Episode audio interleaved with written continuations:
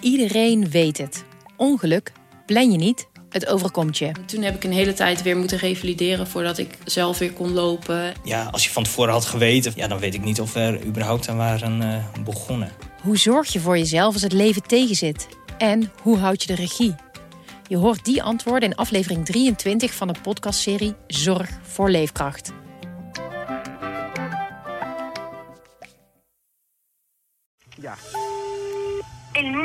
Marcado no contesta. Je hoort hier een uitzending van Mega Noticias, een Chileens tv-programma.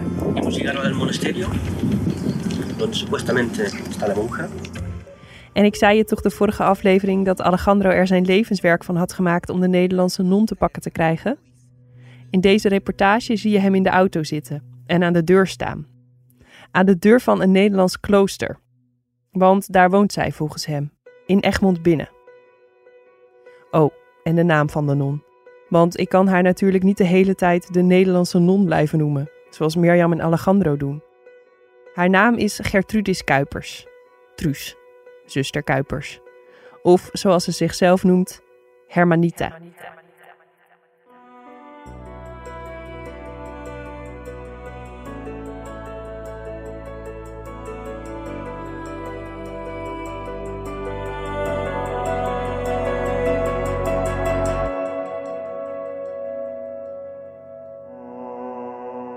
Ik ben Petra Vissers en voor Dagblad Trouw is dit De Gestolen Kinderen. Je luistert naar aflevering 3.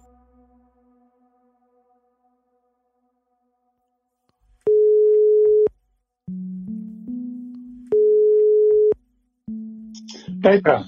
Hey, hallo. Hoi. Hoi, hoi. Hoe is het?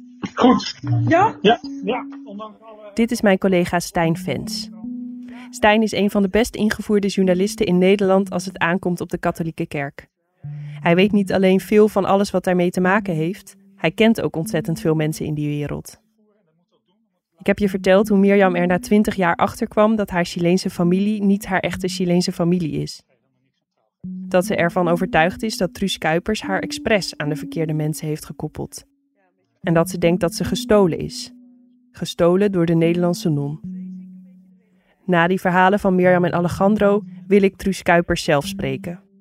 En hoewel Alejandro haar niet vond in die nieuwsuitzending die je net hoorde, is dat klooster de enige aanwijzing die ik heb voor waar ze zou kunnen wonen. Ik hoop dus dat Stijn me kan helpen aan een ingang daar. Van een andere collega heb ik gehoord dat hij de abt van dat klooster zou kennen. En nu hoorde ik van Martijn dat jij die abdij goed kent. Ja. Um, en dus twee vragen eigenlijk. Kun je me iets vertellen over die abdij?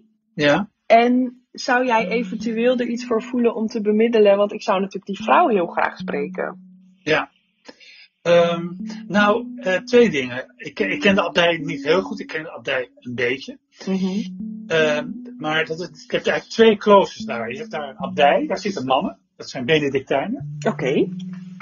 En um, het, kijk, als, daar, als die een, een non onderdak bieden, dan is dat natuurlijk van de gekken. Maar het lijkt me eigenlijk niet kunnen, omdat die, die kloostergemeenschap is, is, is vrij contemplatief. Dat is een hele hechte mannenclub. Mm -hmm. Ja, ik kan me bijna, ik ben goed, maar, maar dat geeft tegelijkertijd ook de, de, de, het bizarre aan. Als die onder, op die manier onderdak bieden, is dat heel raar. Ja, het is een, het is een absurd verhaal. Ja. Ja, nee, dat ben ik helemaal met je. Maar misschien, kijk, je hebt, je hebt om de hoek bij die, uh, het is niet om de hoek, het is er, het is, ik weet niet, het is toch, ik denk een paar kilometer vandaan, maar ik weet niet, heb je ook een ander klooster. En dat heet Lioba. Oké. Okay. En dat is van oorsprong, um, zijn het alleen zusters, Benedictinessen. Mm -hmm. uh, maar het is tegenwoordig een gemengde communiteit, zoals dat heet. Dat wil zeggen, een communiteit is opgebouwd uit uh, mannen en vrouwen. Dat is heel uniek, dat zie je niet, zo, niet zoveel in de katholieke kerk. Okay. Daar ken ik de, de, ja, hij noemt zich volgens mij geen af, maar de, de leidinggevende is een man. Mm -hmm. Een Benedictijner pater. Ja, die ken ik wel. Die ken ik zelfs vrij goed.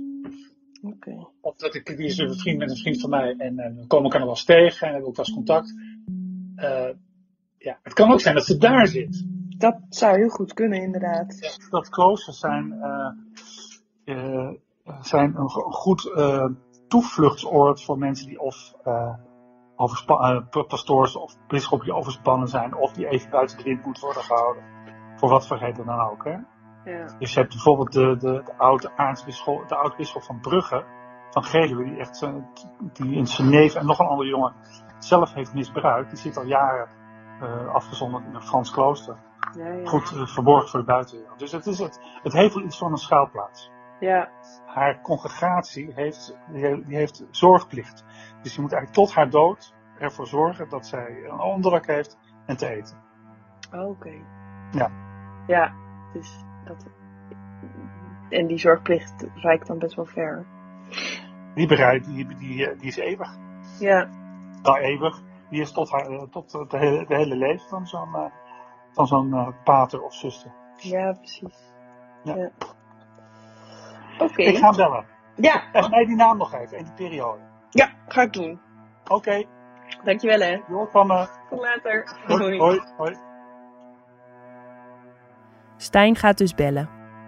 Maar je vraagt je misschien af waarom ik zo ingewikkeld doe. Waarom ik niet gewoon naar Egmond binnen ga en Truus Kuipers opzoek. En dat heeft precies te maken met wat je aan het begin hoorde. Dat Alejandro daar op de deur heeft staan bonken bij dat klooster met een Chileense cameraploeg in zijn kielzog. Hij wil haar niet alleen spreken, hij wil haar ter verantwoording roepen. Hij zegt zelf dat dat niet alleen zijn doel is, maar zo komt het op mij wel over. Ik wil dus niet dat Truus Kuipers denkt dat ik voor Alejandro werk, of met Alejandro werk. Ik doe een eigen onderzoek en ik wil zelf haar kant van dit hele verhaal horen. Daarom doe ik het dus via Stijn.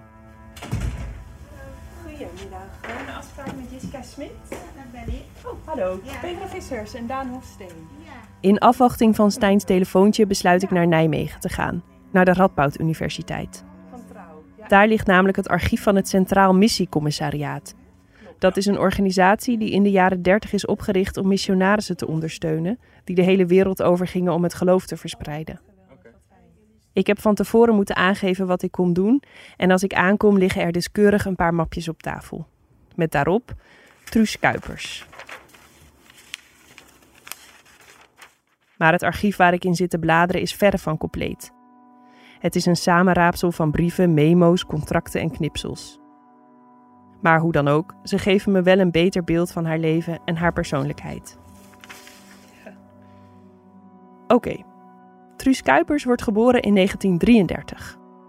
Eerst werkt ze een tijdje in het onderwijs, maar omdat ze zich wil storten op ontwikkelingswerk, sluit ze zich in 1964 aan bij de Witte Zusters, een gemeenschap van religieuze vrouwen.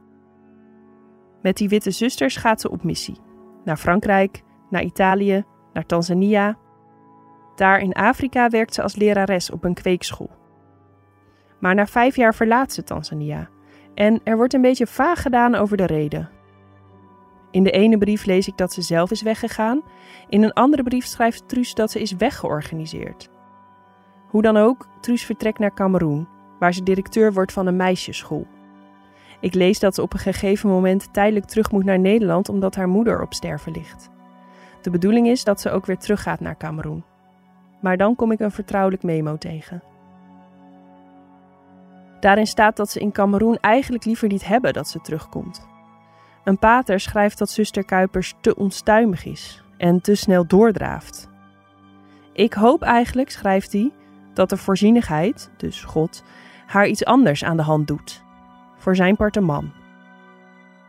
Truus zelf schrijft in een andere brief dat ze beschuldigd wordt van diefstal in Cameroen. Dat er een proces tegen haar aan de gang is en dat ze daarom weg moet. In ieder geval, ze gaat niet meer terug naar dat land. Dan kom ik tegen hoe Truus Kuipers in Chili terecht is gekomen. Als ze weer terug is in Nederland, komt ze in contact met de broer van de man van haar zus. Die is pater in Chili. En die weet dat er in de kustplaats Viña del Mar plek is bij een missie. In een van de armste wijken van die stad. Een van de zusters die daar naartoe zou vertrekken, heeft zich onverwachts teruggetrokken. En zo vertrekt Truus Kuipers op 15 april 1971 met de boot naar Chili. Na een reis van drie maanden begint ze in Viña del Mar aan haar jeugd- en catechesewerk. Maar dan zie ik dat ze na een paar jaar ineens in een kindertehuis werkt in Santiago. Kindertehuis Regazzo, of zoals ze het in het Nederlands noemt, Huizen Knuffel. Maar haar ambities zijn groter dan dat. Ze wil Regazzo een veel fijnere plek maken voor de kinderen om in te wonen. Dat doet ze. Maar dan kom ik brieven tegen waarin ze schrijft dat ze plannen heeft om een eigen tehuis te beginnen. Toevallig is er een huis leeg komen te staan in de wijk waar Regazzo ook gevestigd is.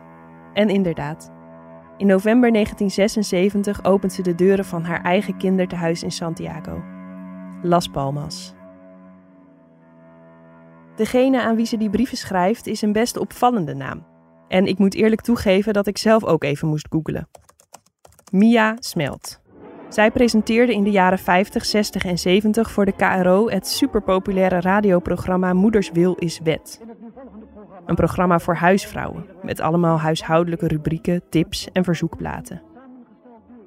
Truus Kuiper schrijft haar een brief om geld in te zamelen voor de kinderen in, in eerste instantie, Huizen Knuffel. En blijkbaar is Mia Smelt zo gecharmeerd van haar dat ze bij hoge uitzondering haar luisteraars vraagt om te doneren voor het kindertehuis in Chili. En die luisteraars geven gul. In de allerlaatste uitzending van Moeders Wil is Wet, het is september 1974, overhandigt de directeur van de KRO persoonlijk een cheque aan Truus Kuipers. De Nederlandse huisvrouw heeft het duizelingwekkende bedrag van 59.000 gulden voor haar gedoneerd. Dat zou nu meer dan een ton in euro's zijn. De brieven die ik voor me heb zijn amicaal. De twee vrouwen zijn vriendinnen geworden. En in 1977 komt Mia Smelt, die dan dus is gestopt met haar radioprogramma, naar Santiago om Truus Kuipers te helpen in haar tehuis. En die inzameling via de radio is trouwens niet de enige keer dat Nederland massaal de portemonnee trekt voor de kinderen in Chili. Ik kom ook een krantenbericht tegen uit het AD uit 1986, waarin staat dat ze de AD Jubileumprijs heeft gewonnen van ook nog eens ruim een ton. Ik kom nog meer brieven tegen die gaan over geld, maar dan over haar salaris. Blijkbaar is Kuipers op de boot naar Chili gestapt zonder dat het Centraal Missiecommissariaat heeft toegezegd haar te betalen. Daar stuurt zij dan weer pinnige brieven over met verontwaardigde blokletters. En ik snap in eerste instantie niet echt wat het probleem is. Ze is toch onderdeel van die religieuze gemeenschap, die witte zusters? Ze is toch een non? En Stijn heeft me aan de telefoon uitgelegd dat die gemeenschap een eeuwige zorgplicht heeft. Waarom is er dan zo'n gedoe over haar salaris? Maar dan dringt tot me door dat Truus Kuipers helemaal geen non is op het moment dat ze naar Chili vertrekt. Ik lees dat ze die witte zusters blijkbaar heeft verlaten en dat ze als zogeheten lekenkracht naar Zuid-Amerika is gegaan. Ik moet zeggen dat ik er niks meer van snap, die middag in Nijmegen. Was Truus Kuipers eerst wel een non, toen niet meer en nu weer wel? Of is de Nederlandse non waar Mirjam en Alejandro zo op jagen nooit een non geweest? Goed. Uit de documenten die ik lees doemt een beeld op waarvan ik niet weet wat ik ermee aan moet. Truus Kuipers werkt hard en veel. Ze is gedreven en laat zich niet zomaar uit het veld slaan. Maar deze vrouw heeft ook op veel plekken ruzie gemaakt. Met zo ongeveer iedereen. Ze kan flink snauwen, schrijft veel in blokletters. Ze irriteert mensen en is zelf ook veel geïrriteerd. Ze is weggestuurd uit Tanzania en later uit Cameroen. En om mij onduidelijke redenen bleef ze ook niet lang in Vinja del Mar en bij dat kindertehuis Regazzo. Maar is dat omdat ze onbetrouwbaar is? Onaardig? Leugenachtig? Of is dat omdat ze een vrouw is die weet wat ze wil? Een krachtige vrouw met een missie, in een wereld die gedomineerd wordt door mannen die dat niet waarderen.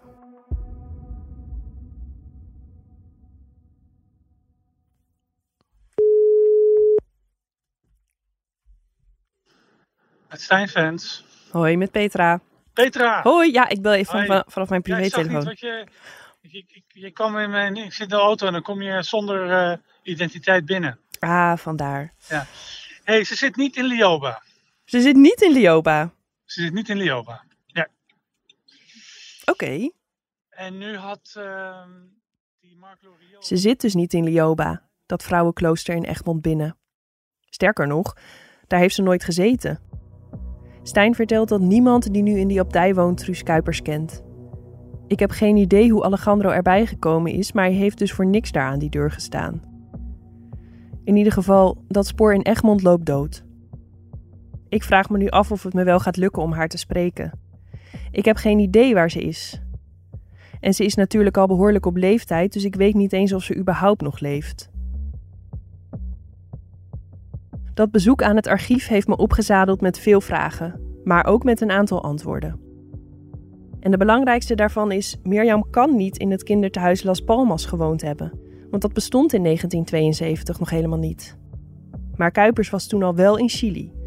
Dus helemaal uitsluiten dat zij meer weet over de eerste maanden van Mirjams leven kan ook weer niet. Want dat is de brandende vraag waar Mirjam de hele tijd mee zit. Heeft zij meer geweten? Mirjam is ervan overtuigd dat het antwoord op die vraag ja is. Maar volgens Kuipers is dat niet het geval. Weet je nog dat ik vertelde over die hele wasmand met brieven en documenten bij Mirjam? Daarin zat ook de briefwisseling die Mirjam en Truus Kuipers hadden toen zij in Chili naar Mirjams familie zocht. Daarin schrijft Kuipers dat zij niets te maken heeft gehad met haar adoptie. In een van die brieven noemt zij de adoptie van Mirjam zelfs illegaal. Toch twijfel ik ook of Truus Kuipers echt een eerlijke vergissing heeft gemaakt bij dat terugzoeken. Dat komt door een brief die ze in 2001 naar Mirjam heeft gestuurd, die ik ook vond tussen al die papieren. In die brief legt ze uit hoe ze haar biologische familie heeft gevonden. Maar als je de brief goed leest, doet ze dat eigenlijk helemaal niet. Want ze maakt een aantal duidelijke fouten. Op de eerste bladzijde van haar brief schrijft ze bijvoorbeeld dat Mirjam in Chili al de naam kreeg van haar Nederlandse ouders. Dat noem je illegaal, schrijft ze dan ook. Maar op de laatste bladzijde schrijft ze dan ineens dat het haar biologische moeder was die Mirjam haar naam heeft gegeven. En ze legt ook niet echt uit hoe ze de moeder van Mirjam vond. Eerst schrijft ze dat er een sociaal werkster was die waarschijnlijk met haar gegevens heeft gerommeld. Twee zinnen later lijkt het alsof het diezelfde sociaal werkster was die Kuipers de naam heeft gegeven van moeder Bertha. Waar ze wel gelijk in heeft, is dat Mirjam nooit met haar achternaam van haar Nederlandse ouders ingeschreven had mogen worden in Chili. En er is meer dat niet klopt in haar dossier. Haar geboortedatum bijvoorbeeld. Mirjam dacht altijd dat dat 10 mei is, zoals op haar geboorteakte staat. Maar uit de brieven van Gertie Vogel blijkt dat Mirjam begin juni is geboren. En dan is er nog het rare gegeven dat in sommige papieren staat dat Mirjam een vondeling is, terwijl ergens anders te lezen is dat haar moeder 20 jaar was toen ze haar in een ziekenhuis met een keizersnede op de wereld zette. Dat kan onmogelijk allebei kloppen. Goed, zoals Truus Kuipers zelf al schrijft in die brief, de manier waarop Mirjam naar Nederland is gekomen klopt van geen kant. Wie er iets mee te maken heeft gehad, heeft er dus baat bij daarover te liegen.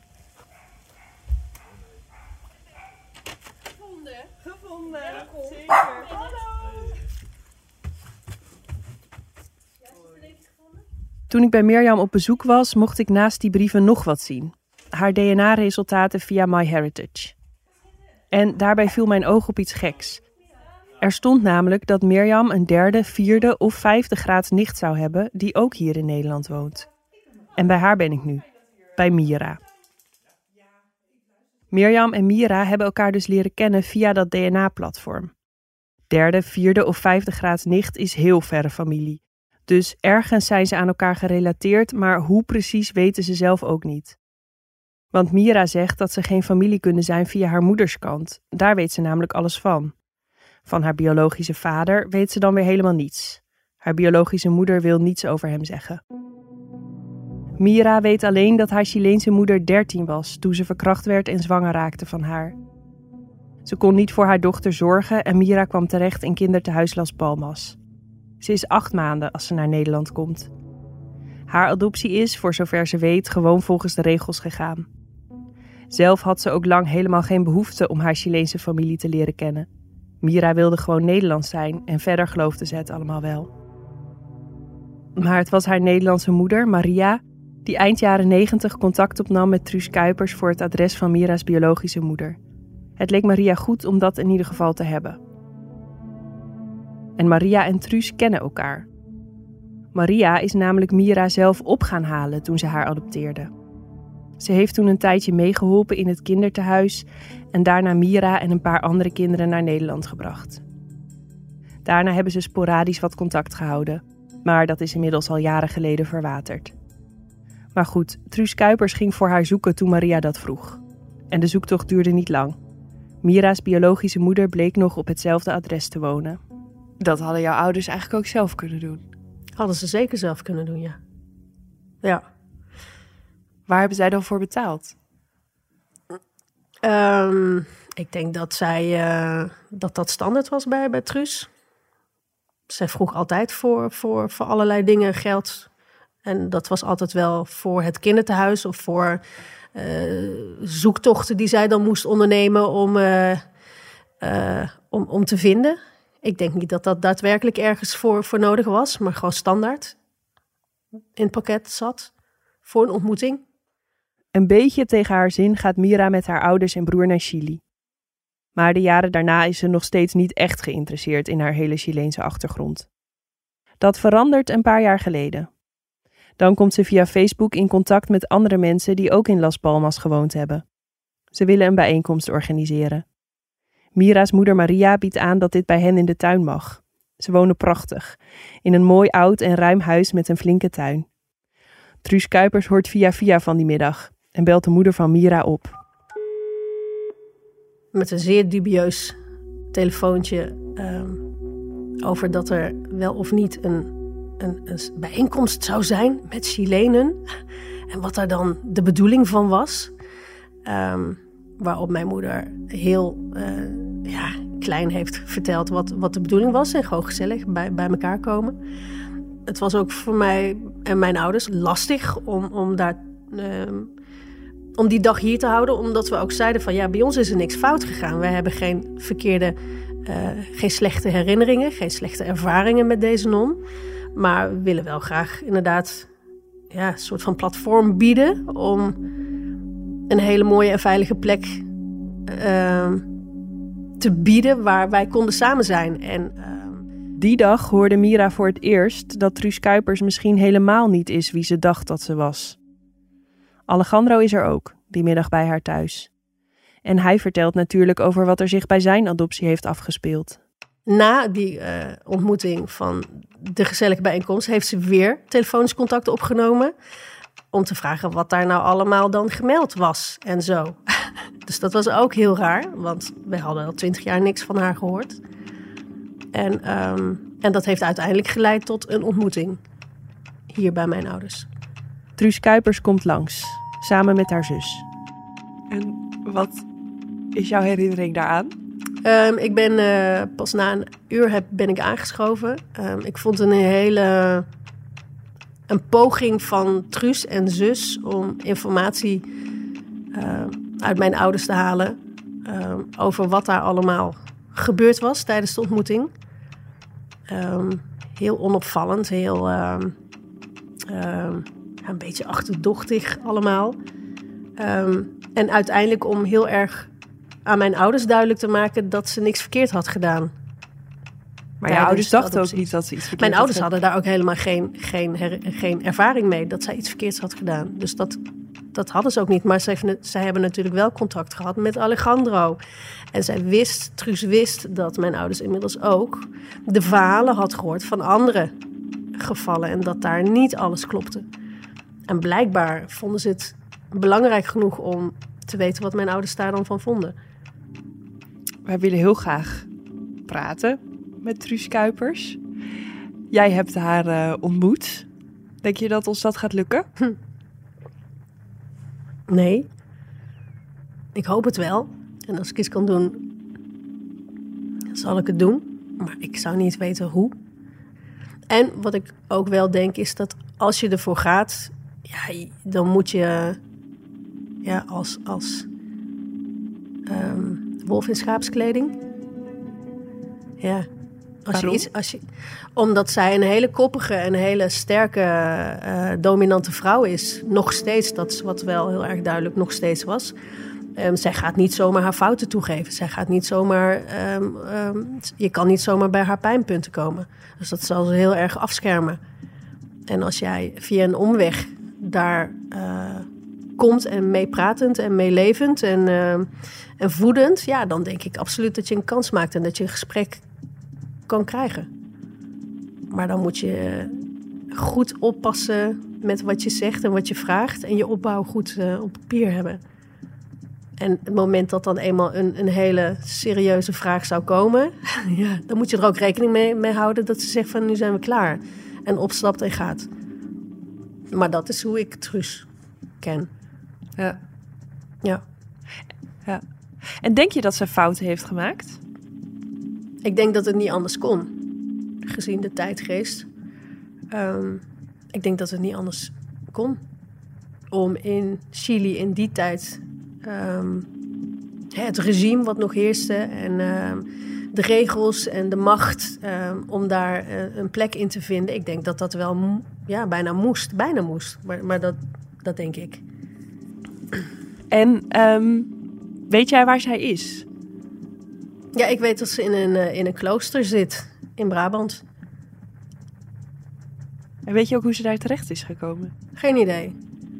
Ik weet dat, al het, uh, al het, uh, dat, er heel, dat, ze, dat ze heel moeilijk te bereiken is. Hè? Dat, dat, dat, gaat allemaal via het klooster. En ik weet dat ze, zoals altijd, al heel erg wordt afgeschermd door haar zus. En welk klooster is dat? Ik heb geen idee. Ik weet de naam niet. Kan je wel zeggen waar. Maar ik weet de naam niet. Nee. Ze is echt in haar laatste fase van haar leven. Ja. Ik denk dat het echt uh, dat is de plek om, uh, om te sterven. Ja. Ik krijg van Mira de naam van het klooster en een telefoonnummer. Daar ben ik natuurlijk heel blij mee. Maar ik ben ook bang dat ik een hele oude en misschien wel dementerende vrouw aan de telefoon krijg. Het kan zomaar dat ze in de tussentijd al overleden is. Want ze is eind 80 en woonde voor corona al in een verzorgingshuis. En dan ook nog eens in Brabant, waar zoveel mensen aan corona zijn overleden. Een week nadat ik bij Mira ben geweest, zit ik thuis op de bank.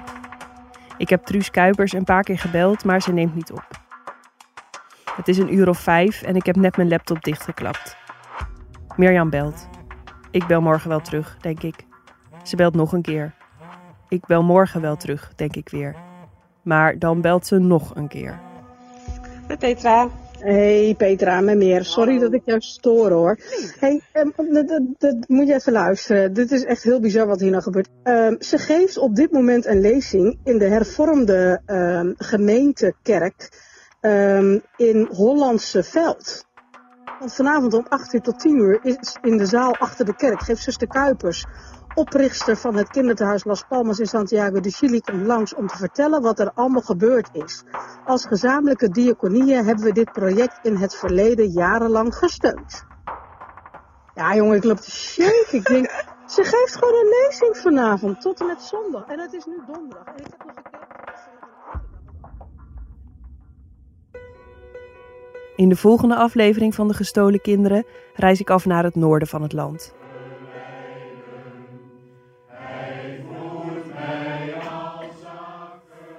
En naar het zuiden van het land. Geen toegang, dank u wel. En hoop ik eindelijk meer duidelijkheid te krijgen over Mirjam's Chileense nepfamilie. Wat is daar nou precies gebeurd? Waar gebeurt bedoel je?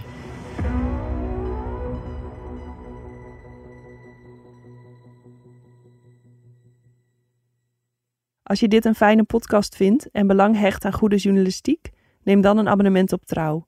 Dat kan op abonnement.trouw.nl. Iedereen weet het. Ongeluk plan je niet, het overkomt je. Toen heb ik een hele tijd weer moeten revalideren voordat ik zelf weer kon lopen. Ja, als je van tevoren had geweten, ja, dan weet ik niet of we er überhaupt aan waren uh, begonnen. Hoe zorg je voor jezelf als het leven tegenzit? En hoe houd je de regie? Je hoort die antwoorden in aflevering 23 van de podcastserie Zorg voor Leefkracht.